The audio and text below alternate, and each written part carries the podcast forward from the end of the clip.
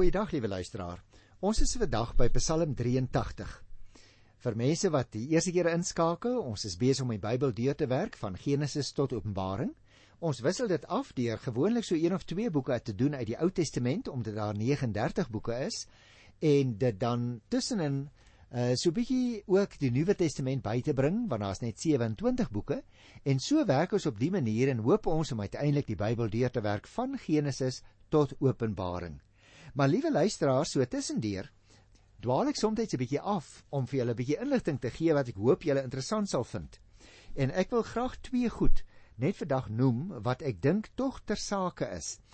Ons is nou uh, vandag by Psalm 83, maar nou moet ons onthou hierdie nummerering van die psalms is nie altyd so gewees soos wat ons dit hier het nie. Dit is 'n samevoeging van 150 verskillende liedere. Maar ons moet ook onthou die indeling van hoofstukke en verse in die Bybel was ook nie oorspronklik so nie. So die Hebreëse en die Protestantse Bybels tel 150 psalms. Maar daar is ook ander vertalings wat soms 151 psalms het. Dit is wel ook die geval met die Griekse en die Latynse vertalings van die Katolieke Bybels, maar daar's tog 'n verskil. Hulle groepeer sommige van die psalms bietjie anders. Kom ek noem jou 'n voorbeeld.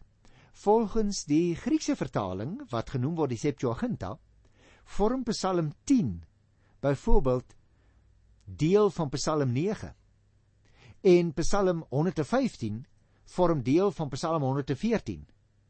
Psalm 116 en Psalm 147 word elkeen dan weer in twee afsonderlike psalms verdeel. Met ander woorde, daar is tog so 'n bietjie 'n uh, verskil in die indeling hier en daar in die verskillende kerklike tradisies. Ek noem dit maar net vir jou interessantheidshalwe omdat ons so gewoond is uit die Afrikaanse Bybel of 'n Engelse Bybel of 'n Duitse Bybel wat ons ken lees en ons hou nie altyd rekening met ander kerklike tradisies nie. Nog net hierdie opmerking in hierdie verband. In sommige afskrifte van die Griekse vertaling word daar dan wel soos ek net nou gesê het 'n ekstra psalm getel wat 'n uh, Psalm 151 genoem word. En die opskrif daarvan lui: Hierdie psalm is deur Dawid self geskryf toe hy teen Goliat gaan veg het. Nou 'n Hebreëse teks, liewe luisteraars, wat hierdie psalm uh bevat, is in die Qumran grotte by die Dooie See gevind.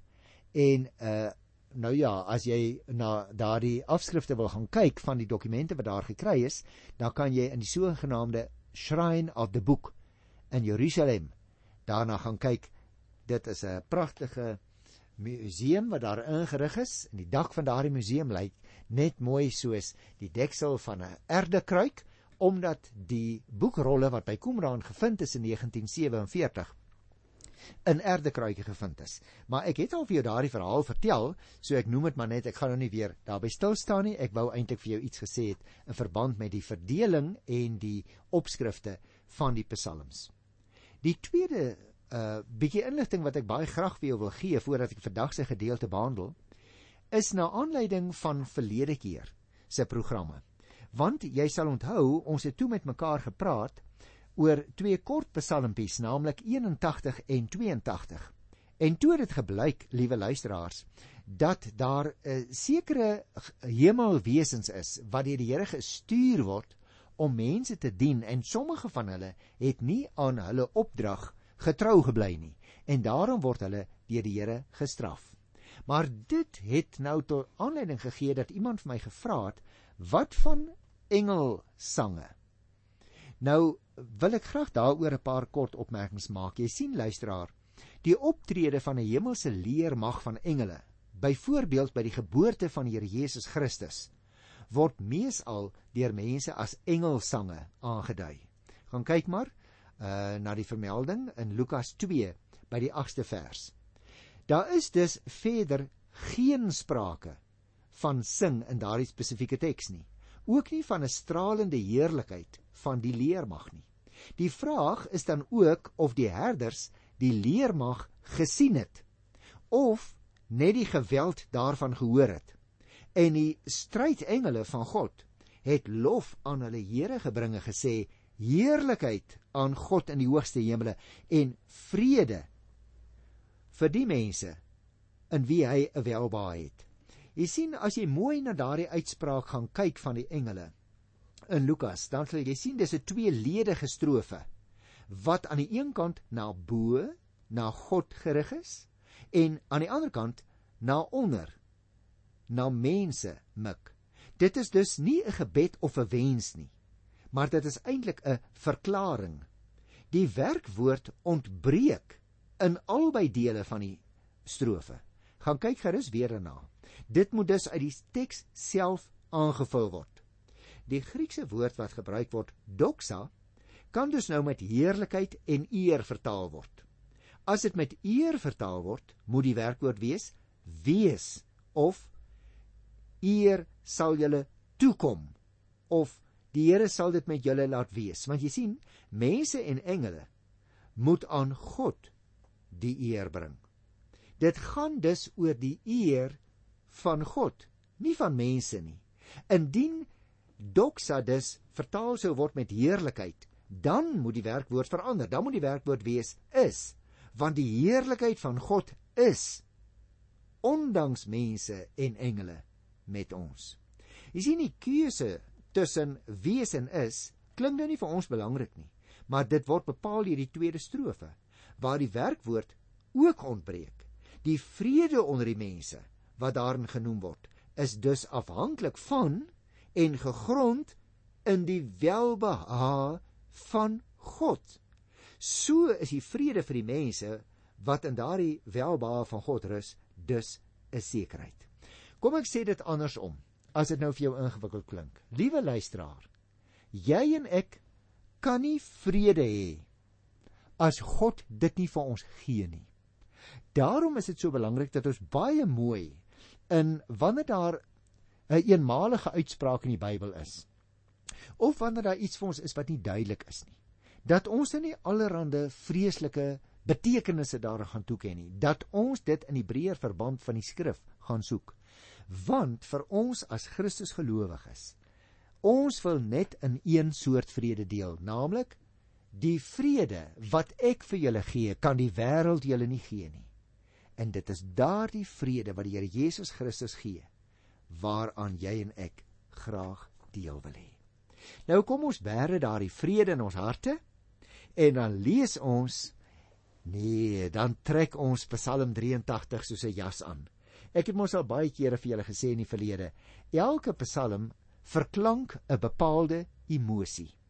Daarom hang dit af van die emosie wat jy teenoor die Here wil verklank dan kan jy die spesifieke psalm gebruik en sê ek gaan hierdie psalm nou gebruik en ek gaan dit aan die Here voordra. Ek gaan dit aantrek soos 'n jas.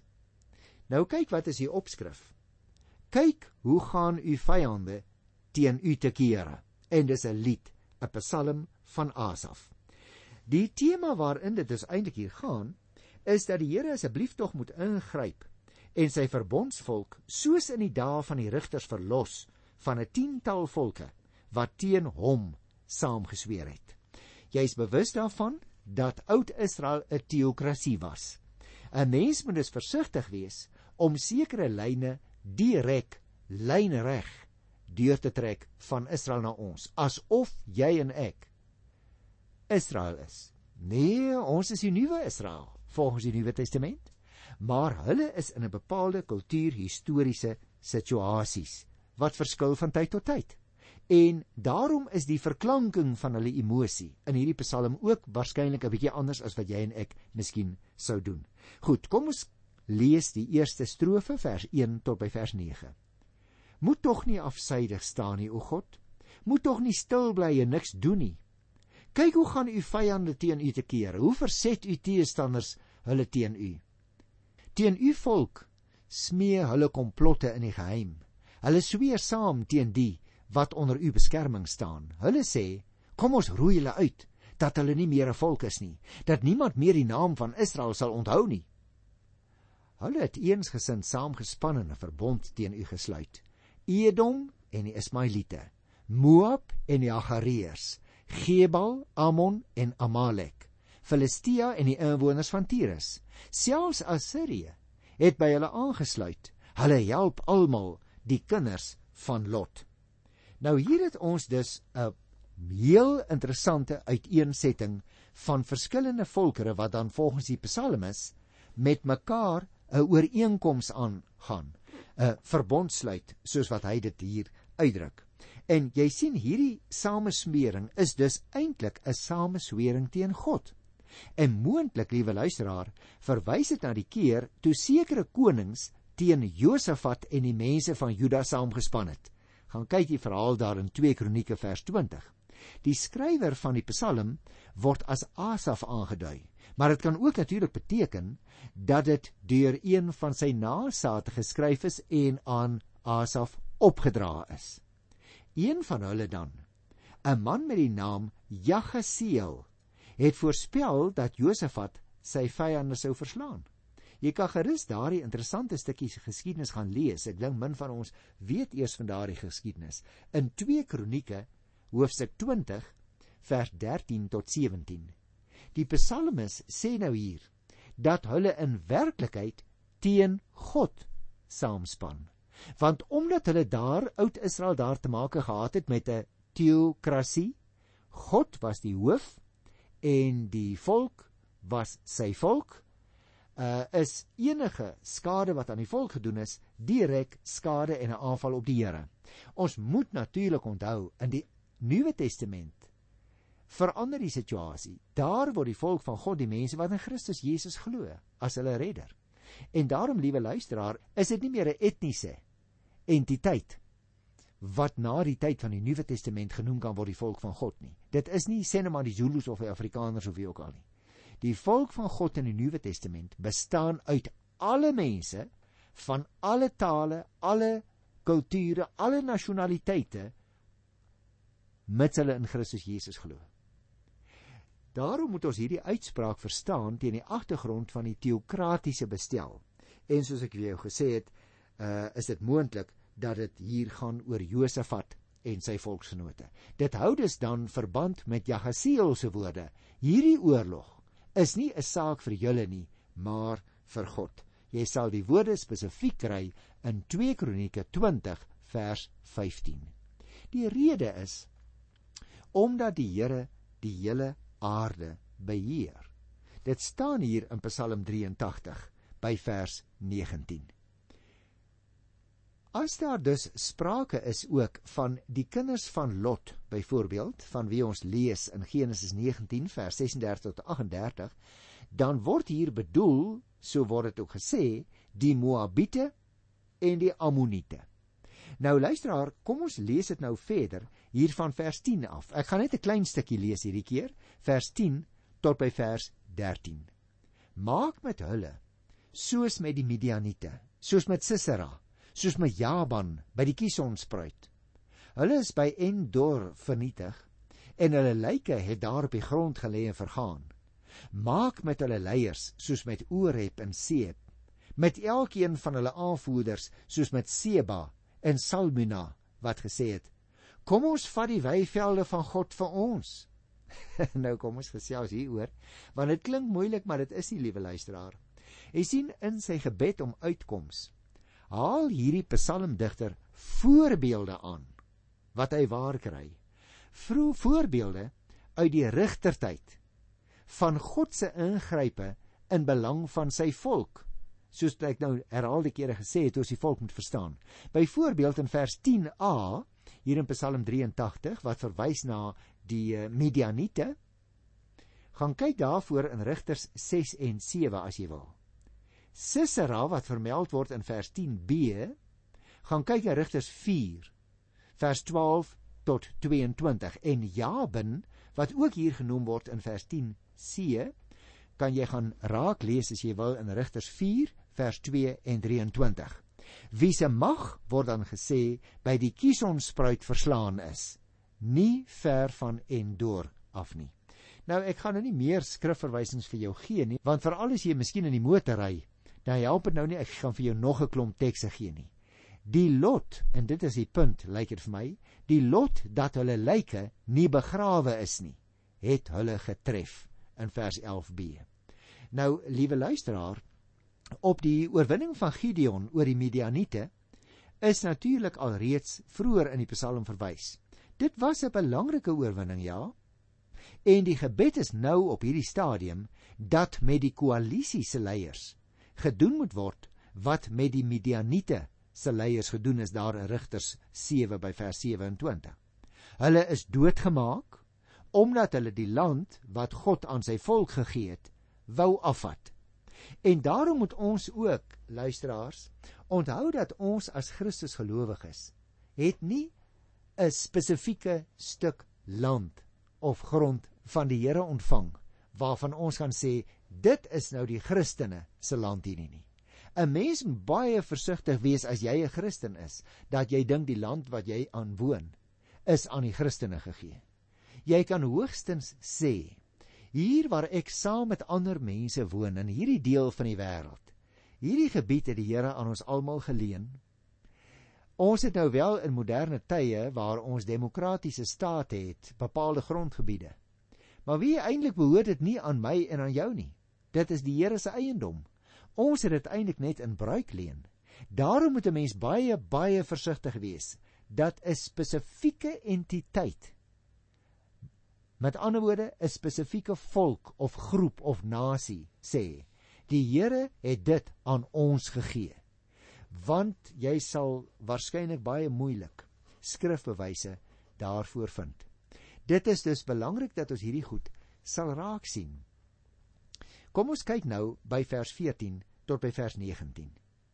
Dit is die laaste gedeelte van Psalm uh, 83 wat ek nou gaan bespreek. My God, maak tolbosse van hulle stoppels in die wind 'n bos wat in vuur verteer word berge wat in vlamme afbrand jaag hulle met u stormwind slaan hulle uitmekaar met u orkaan laat hulle met skande daarvan afkom dan sal hulle weet wie u is Here bring hulle tot skande maak hulle lewe vir hulle een lang verskrikking verneder hulle en wis hulle uit laat hulle besef dat u alleen die naam Here het. U, die Allerhoogste oor die hele aarde. Nou, liewe luisteraar, die psalmdigter het dus nou in hierdie verse wat ek nou net gelees het, vers 14 tot 19, melding gemaak van die ondergang van sy vyande. Hy bepleit dit by die Here. En hy werk dit uit met beelde uit die natuur. Baie interessant dat hy volke so beskryf. Die beelde moet jy oplet word al hoe sterker en al hoe meer veelzeggend. Tolbosse wat in die droë somermaande rondgebaai word. Mens lees daarvan in Jesaja 7 by vers 13. Dan praat hy van stoppels in die wind by vers 14.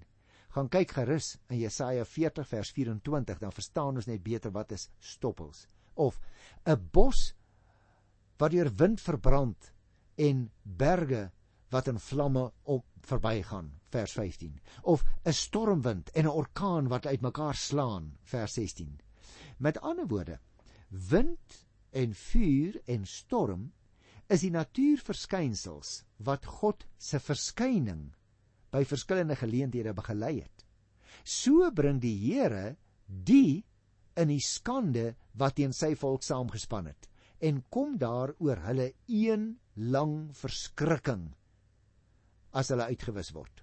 En so liewe luisteraar, besef hulle natuurlik wie die Here is volgens vers 19a. Dit laat hulle besef dat u alleen die naam Here het wat oor die hele aarde regeer. Dit staan daar aan die einde van die Psalm en 'n mens kry dit ook in Psalm 8 vers 2 en vers 10. Nou mag jy vra, wat wil hierdie gebed vir ons sê? Die gebed vir die vernietiging is dus weer eens nie gegrond op blote nasionalisme of net maar 'n wraakbegeerte wat by 'n individu ontstaan het nie. Maar die bidder is gewikkel in 'n stryd teen die vyand van die gelowiges van daardie tyd, naamlik die Jode as volk. Jy en ek sou dit miskien kon oorplaas, verklank, vertaal as jy wou as Nuwe Testamentiese gelowiges om te sê ons sou hierdie gebed ook van toepassing kon maak in die mond van die Christusgelowiges met die bedoeling dat die vyande van die Christendom vernietig moet word.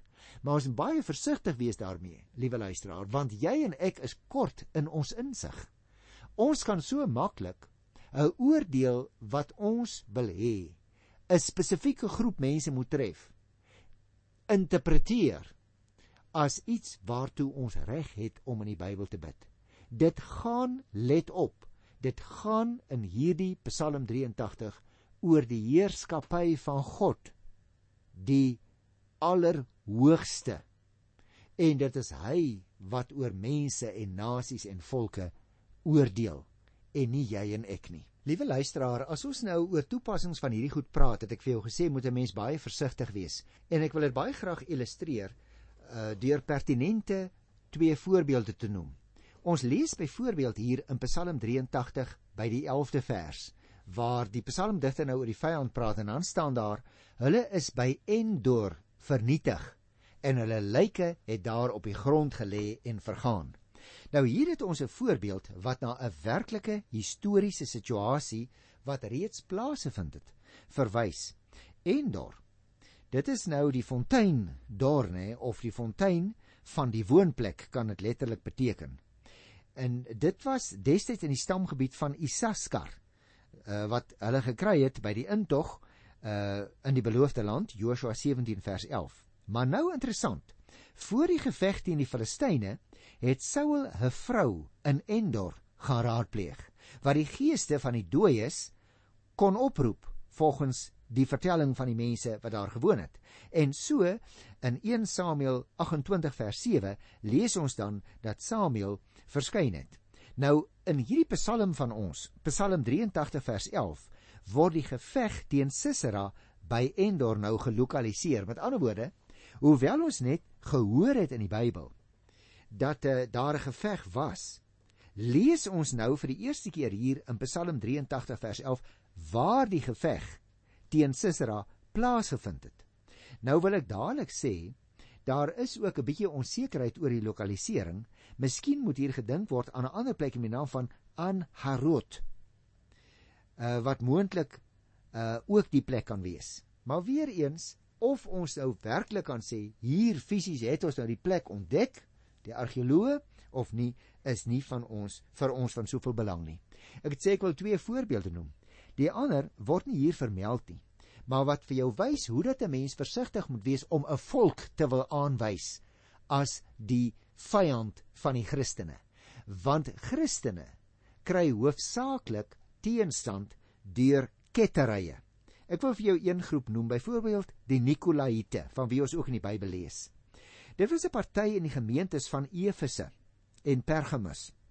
Hulle het skynbaar vrysinniges wat 'n uh, Biliam nageaap het in daardie tyd in stryd met die besluite van wat die apostels geleer het. Geleer dat dit vir Christene geoorloof was om afgodsoffers te eet. Nou moet ons dadelik opmerk, liewe luisteraar, jy kan uh, vir die kettery in die verband lees in Handelinge 6 vers waar er gepraat word ook van die diaken Nikolaus. Maar ons kan nie sonder meer sê dat dit die spesifieke kettery is waarna verwys word in Openbaring 2 vers 6 en 14 en 15 nie. Die uh, kerkvaders het dit soms beweer, maar uh dit staan so 'n bietjie in die skaduwee. Dis meer waarskynlik dat die latere gnostiese sekte van die Nikolaïte in verband hiermee staan. Dit wil maar net vir ons sê, ons moet versigtig wees om soms konkrete toepassings te maak oor sekere uitsprake van oordeel wat die Here uiteindelik gaan bring oor mense of groepe asof ons daardie groepe kan identifiseer. Jy weet ons wil graag mense beskryf as sus en so en dan wil ons die oordeel van God op hulle afbid en sê dit is wat in die Bybel staan. Dit het al baie keer in die verlede gebeur dat sulke toepassings gemaak is en dat mense dan getipeer is as die Satan self of as God wat nou daardie mense straf. Dit lyk my ons moet 'n bietjie meer nederig wees in ons uitsprake en vir mekaar sê soos hierdie Psalm 83 ons leer in vers 11. Die Here is die allerhoogste oor die hele aarde en hy sal uiteindelik oordeel. Ek groet jou in sy wonderlike naam tot volgende keer. Tot dan. Totsiens.